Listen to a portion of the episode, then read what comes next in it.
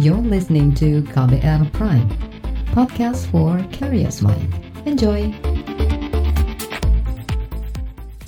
Terbaru di Buletin Pagi. Saudara pemerintah Provinsi Jawa Barat mengajukan izin pembatasan sosial berskala besar atau PSBB kepada pemerintah pusat. PSBB ini untuk mengurangi penyebaran virus corona penyebab COVID-19. Gubernur Jawa Barat Ridwan Kamil mengatakan daerah yang diajukan PSBB yaitu wilayah yang berdekatan dengan DKI Jakarta seperti Bogor, Depok, Kota Bekasi, dan Kabupaten Bekasi. PSBB mah mendahulukan yang nempel Jakarta dulu karena apa pun yang Jakarta lakukan, kita harus satu frekuensi uh, karena virus tidak mengenal KTP kan, maka uh, dalam satu aglomerasi uh, penyebaran itu harus satu uh, keputusan. Kalau uh, berhenti berhenti semua, kalau gerak-gerak semua, melambat melambat semua kira-kira. Data ini penting untuk keputusan PSBB ini. Ya, salah satunya untuk melakukan respon dua. Gubernur Jawa Barat Ridwan Kamil menambahkan salah satu langkah pendukung PSBB yang akan diterapkan adalah penerapan jam malam. Upaya itu sudah dikoordinasikan dengan pemerintah kabupaten atau kota serta kepolisian. Selain beberapa kota dan kabupaten sekitar Jakarta, pengajuan PSBB juga datang dari Papua, yakni Kabupaten Sorong, Fakfak, dan Mimika. Tim gugus tugas pusat akan mengkaji permohonan itu termasuk kesiapan daerah. Sementara itu, pemerintah Provinsi DKI Jakarta berencana memadukan penerapan pembatasan sosial berskala besar atau PSBB dengan pemerintah Jawa Barat dan Banten. PSBB di Jakarta akan diberlakukan mulai Jumat besok. Gubernur DKI Jakarta Anies Baswedan mengatakan sudah membahas hal, membahas hal itu bersama dengan Gubernur Jawa Barat dan Banten hingga wali kota dan bupati daerah yang beririsan dengan ibu kota karena memang kawasan ini menjadi satu epicenter dan perlu ada sinkronisasi langkah. Jadi yang kita kerjakan adalah apa yang dikerjakan di Jakarta, pembatasan-pembatasan yang kita akan lakukan, itu juga yang nanti akan menjadi rujukan supaya nanti kita punya pola yang sama. Mudah-mudahan ini bisa segera tuntas sehingga nantinya masyarakat bisa memiliki pedoman yang sama. Daerah-daerah di sekitar Jakarta yang akan disinkronkan dengan penerapan PSBB Jakarta antara lain Kota Tangerang, Kabupaten Tangerang, Kota Tangerang Selatan, Kabupaten Bekasi, Kabupaten Bogor, Kota Bogor, hingga Kota Depok. Kepolisian bakal memberi sanksi pidana kepada warga yang nekat berkerumun saat pembatasan sosial berskala besar atau PSBB diberlakukan di Jakarta Jumat besok. Kapolda Metro Jaya Nana Sujana mengatakan penindakan tersebut untuk menimbulkan efek jerah. Menurutnya, pihak kepolisian akan memberikan peringatan sebanyak tiga kali sebelum pidana dijatuhkan. Langkah ini akan di, kita lakukan secara masif. Akan kita lakukan secara masif mulai dari Polda Metro, kemudian Pemprov DKI, Kodam, sampai ke tingkat bawah untuk di kepolisian ya sampai ke Polres kemudian Polsek sampai ke Kaptimas dari TNI dari dari Kodam sampai ke Babinsa dan dari Gubernur sampai dengan RT RW ini akan kita lakukan secara. Kapolda Metro Jaya Nana Sujana mengklaim akan mengedepankan pendekatan-pendekatan dialogis dan persuasif sebelum pemindahan. Polisi juga mewajibkan masyarakat menjaga jarak, memakai masker di luar rumah, pengendara motor dilarang berboncengan dan tidak berkumpul selama PSBB. Saudara jumlah penderita COVID-19 di Indonesia terus bertambah. Hingga Rabu kemarin jumlah positif virus corona mencapai hampir 3.000 orang.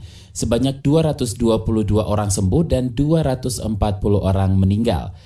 Penambahan kasus positif COVID-19 terbanyak masih ada di DKI Jakarta, diikuti Sumatera Utara dan Jawa Barat.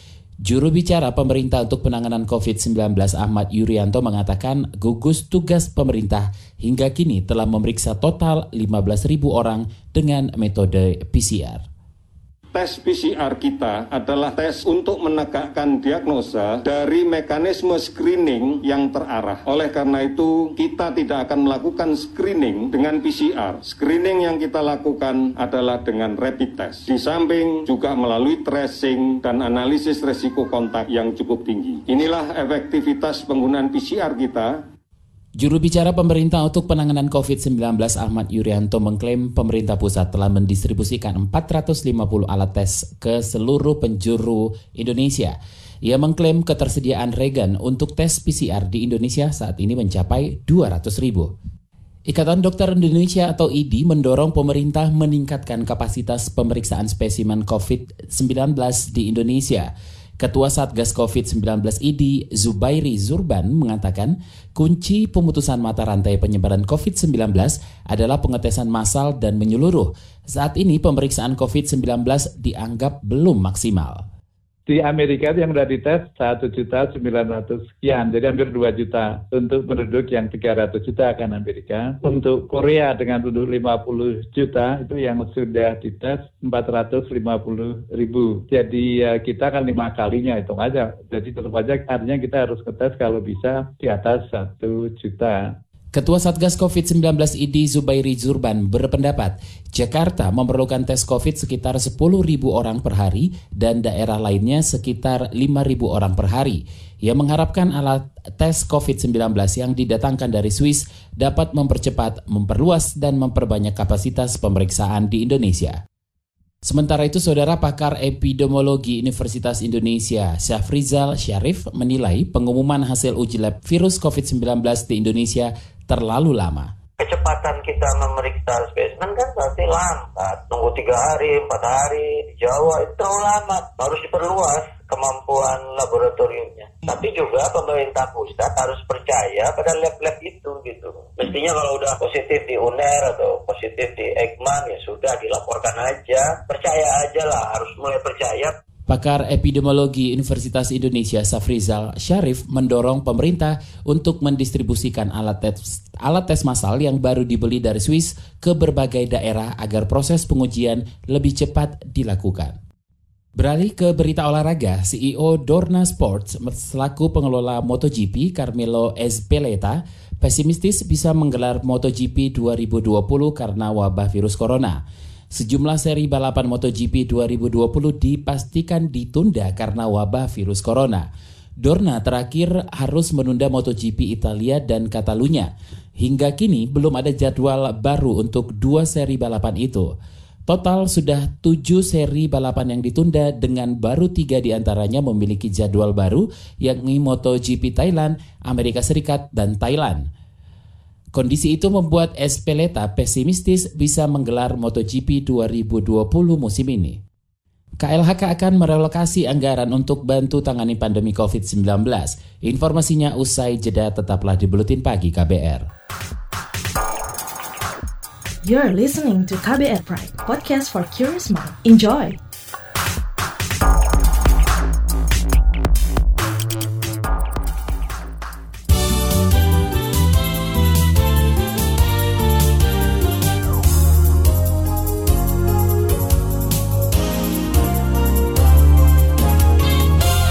Saudara Kementerian Keuangan menambahkan anggaran kartu sembako sebagai bagian dari program jaring pengaman sosial masyarakat menghadapi wabah COVID-19.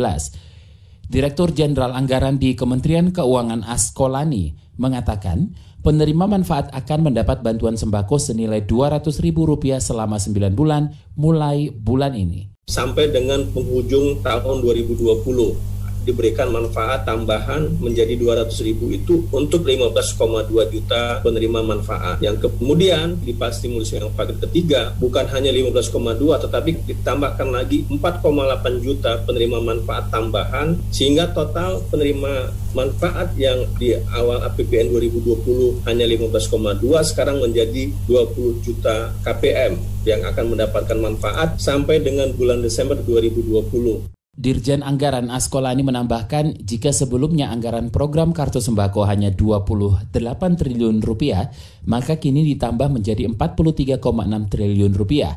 Nantinya Kementerian Sosial bertugas menyalurkan bantuan ini ke masyarakat bekerja sama dengan institusi perbankan. Selain itu, Kemenkeu juga akan mengalihkan penggunaan dana desa hingga 24 triliun rupiah untuk bantuan sosial atau bansos kepada masyarakat. Penerima manfaat bantuan tunai akan menerima 600 ribu rupiah per bulan selama 3 bulan. Saudara, sejumlah kementerian mengalokasikan ulang anggaran mereka untuk membantu penanganan pandemi COVID-19. Di antaranya Kementerian Lingkungan Hidup. Menteri Lingkungan Hidup Siti Nurbaya mengatakan kementeriannya akan memangkas anggaran tahun ini minimal 10% untuk penanganan COVID-19. Perkiraan saya akan sangat besar sebab tadi ada padat karya, Jadi jangan sebut angka ketua, kami juga exercise dulu dari pagu anggaran yang telah direvisi. Jangan minimum 10 persen ya. Apa namanya program nasional kita yang berbasis masyarakat itu sangat banyak. Jadi perkiraan saya pasti di atas 10 persen. Nanti kami laporkan. Itu tadi Menteri Lingkungan Hidup Siti Nurbaya. Pemangkasan juga bakal dilakukan Kementerian Agama. Menteri Agama Fahrul Razi mengalokasikan 300-an miliar rupiah untuk penanganan COVID-19. Alokasi dana juga dilakukan Kementerian Pekerjaan Umum dan sejumlah kementerian lain. Beralih ke informasi ekonomi, Komisi Pengawas Persaingan Usaha KPPU mendorong pemerintah mempercepat realisasi impor gula pasir pada semester pertama tahun ini. Komisioner KPPU Guntur Saragi mengatakan saat ini ketersediaan gula yang terbatas membuat harga gula pasir di pasaran naik. Bahkan harga gula di beberapa daerah telah melebihi harga eceran tertinggi. Agar pemerintah tidak hanya memberikan SPI yang memang eh, jatuhnya di bulan Maret untuk mendorong agar secepatnya terjadi realisasi. Karena memang jika stok realisasi itu berkurang, realisasi tidak terjadi atau urung atau terlambat, stok dalam negeri akan turun sehingga harga tetap tinggi. Bahkan kita melihat ada kebijakan untuk beberapa retail memberikan jumlah batasan pembelian. Itu pada posisi sebenarnya sudah untuk mengendalikan harga juga. Komisioner KPPU Guntur Saragi menambahkan di pasar modern harga gula pasir sudah menyentuh angka Rp14.000 per kilogram. Sedangkan di pasar tradisional harga gula mencapai Rp18.000 per kilogram. Saudara Kementerian Perindustrian Kemenperin mengeluarkan surat edaran tentang operasional pabrik saat darurat COVID-19. Dalam keterangan tertulisnya, Menteri Perindustrian Agus Gumiwang mengatakan, edaran ini untuk mendukung industri dalam berproduksi sesuai dengan protokol kesehatan yang dianjurkan Badan Kesehatan WHO. Agus Gumiwang berharap sektor industri masih dapat memberikan kontribusi terhadap ekonomi nasional, terutama dari sektor-sektor yang masih memiliki permintaan tinggi, seperti industri alat kesehatan dan aneka pangan untuk menyuplai kebutuhan di dalam negeri. Laporan khas KBR tentang upaya mahasiswa perantau bertahan di masa pandemi akan hadir usai jeda tetaplah di Buletin Pagi KBR. You're listening to KBR Pride, podcast for curious mind. Enjoy!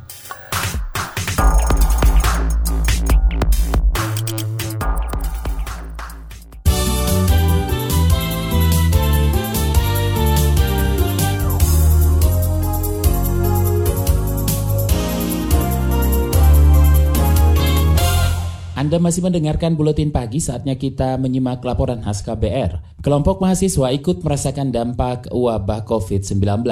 Mahasiswa perantau banyak yang masih bertahan meski kuliah tatap muka sudah ditiadakan. Pasalnya, mudik di masa pandemi meningkatkan risiko penularan.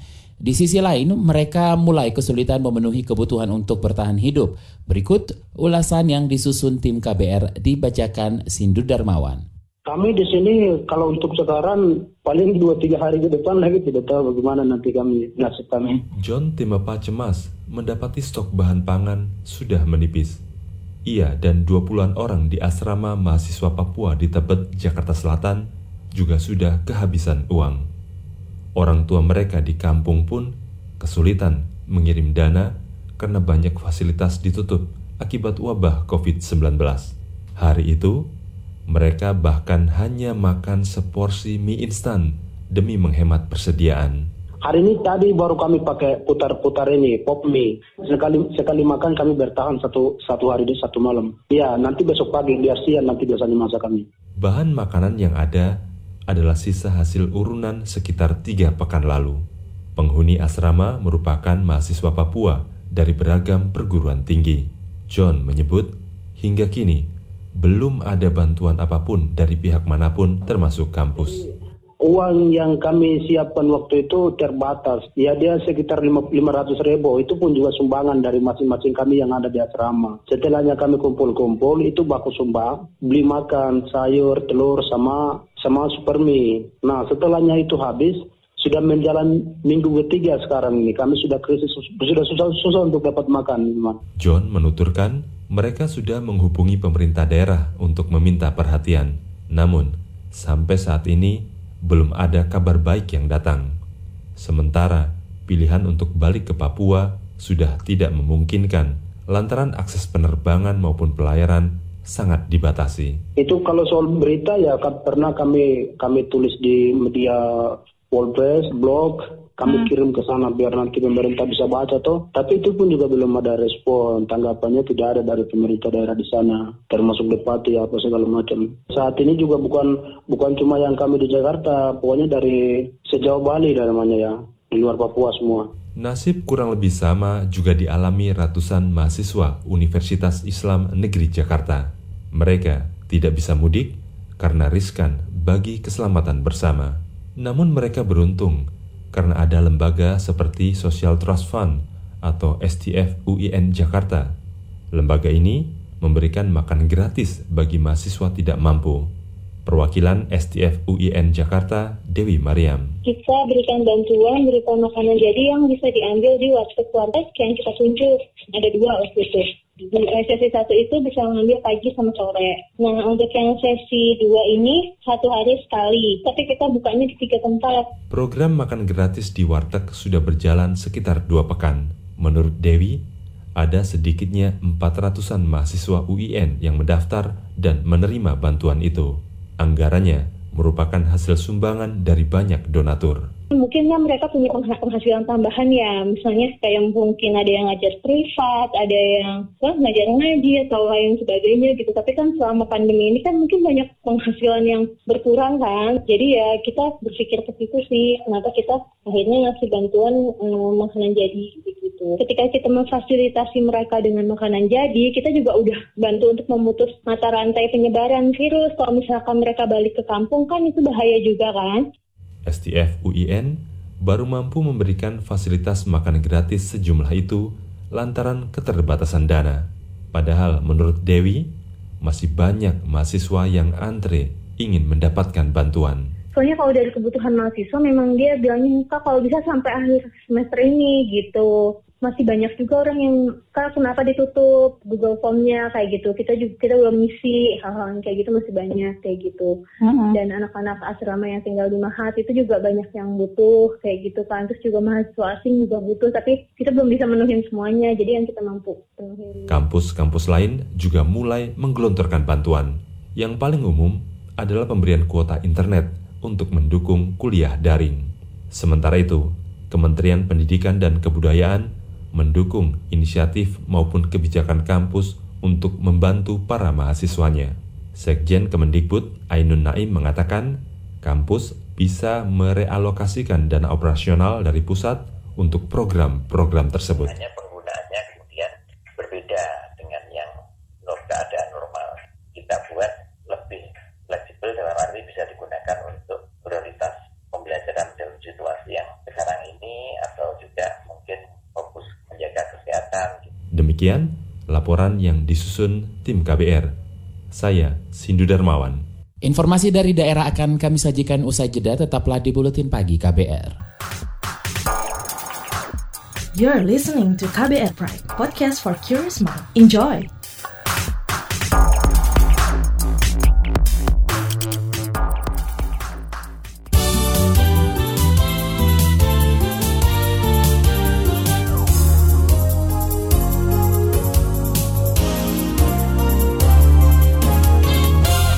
Inilah bagian akhir buletin pagi KBR. Saudara pemerintah Provinsi Kalimantan Barat memeriksa 60-an jemaah sajadah fajar melalui tes cepat. Pemeriksaan dilakukan setelah dua Jumat meninggal usai mengikuti kegiatan di Kabupaten Kapuas Hulu. Kepala Dinas Kesehatan Kalimantan Barat Harrison mengatakan, ketua rombongan Sajadah Fajar akhirnya bersedia memberi informasi soal puluhan jemaah lain setelah didesak oleh Dinkes Kalbar melakukan pemeriksaan rapid test antibody terhadap anggota Sejadah Fajar ya. Jadi saya mengucapkan terima kasih kepada Ketua Sejadah Fajar yang sudah memberikan uh, nama-nama informasi lengkap mengenai anggota jemaahnya yang kemarin ikut ke melakukan perjalanan ke Kapuas Hulu Sintang ya. Itu tadi Kepala Dinas Kesehatan Kalbar Harrison. Sebelumnya dua jemaah sajadah fajar yang mengikuti kegiatan di Kabupaten Kapuas Hulu Kalimantan Barat meninggal. Satu di antara jemaah terkonfirmasi positif COVID-19 dan meninggal dunia Maret lalu, sedangkan satu jemaah lainnya meninggal pada pekan lalu. Pemerintah Provinsi Papua meningkatkan status siaga darurat COVID-19 menjadi tanggap darurat COVID-19. Status tanggap darurat berlaku selama 28 hari ke depan. Wakil Gubernur Papua Clementinal mengatakan, keputusan ini diambil seiring meningkatnya jumlah pasien positif COVID-19 di Papua. Kini jumlah kasus pasien positif COVID-19 di Papua mencapai 31 orang. Lima orang telah dinyatakan sembuh dan empat orang meninggal. Ini menjadi ancaman yang serius bagi Provinsi Papua. Untuk itu, saya dengan ini menyatakan meningkatkan status siaga darurat pengendalian Corona 19 menjadi status tanggap darurat pencegahan dan penanganan Corona di Provinsi Papua Selain itu, Pemprov Papua juga memperpanjang masa bekerja dan belajar di rumah hingga 23 April 2020, kecuali untuk tenaga kesehatan pangan, energi, komunikasi, keuangan, logistik, dan beberapa bidang lainnya. Kita ke Jawa Tengah, ribuan mahasiswa Universitas Negeri Semarang yang terjebak akibat kebijakan isolasi akan mendapatkan bantuan sembako. Juru bicara Universitas Negeri Semarang Muhammad Burhan mengatakan, lebih dari 2.000 sembako dibagikan kepada mahasiswa yang masih tinggal selama masa karantina. Bantuan sembako untuk mahasiswa yang masih tinggal di kos, uh, kita bantu uh, dari Lazis ya, Lazis UNES itu memberikan paket yang berisi uh, 3 kg beras, lalu dua botol kecap dan 29 mie instan. Itu yang mahasiswa yang saat ini belum Burhan menjelaskan sistem distribusi sembako dilakukan melalui masing-masing fakultas yang sebelumnya dilakukan pendataan oleh Badan Eksekutif Mahasiswa. Sembako diberikan di area fakultas kampus secara bergiliran agar tidak menimbulkan kerumunan. Informasi tadi menutup jumpa kita di Buletin Pagi hari ini. Pantau juga informasi terbaru melalui kabar baru melalui website kami kbr.id, Twitter at berita KBR, serta podcast melalui kbrprime.id. Akhirnya saya Don Brady undur diri. Salam.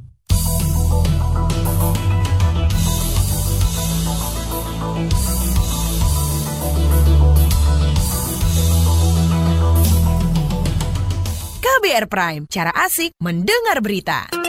KBR Prime, podcast for curious mind.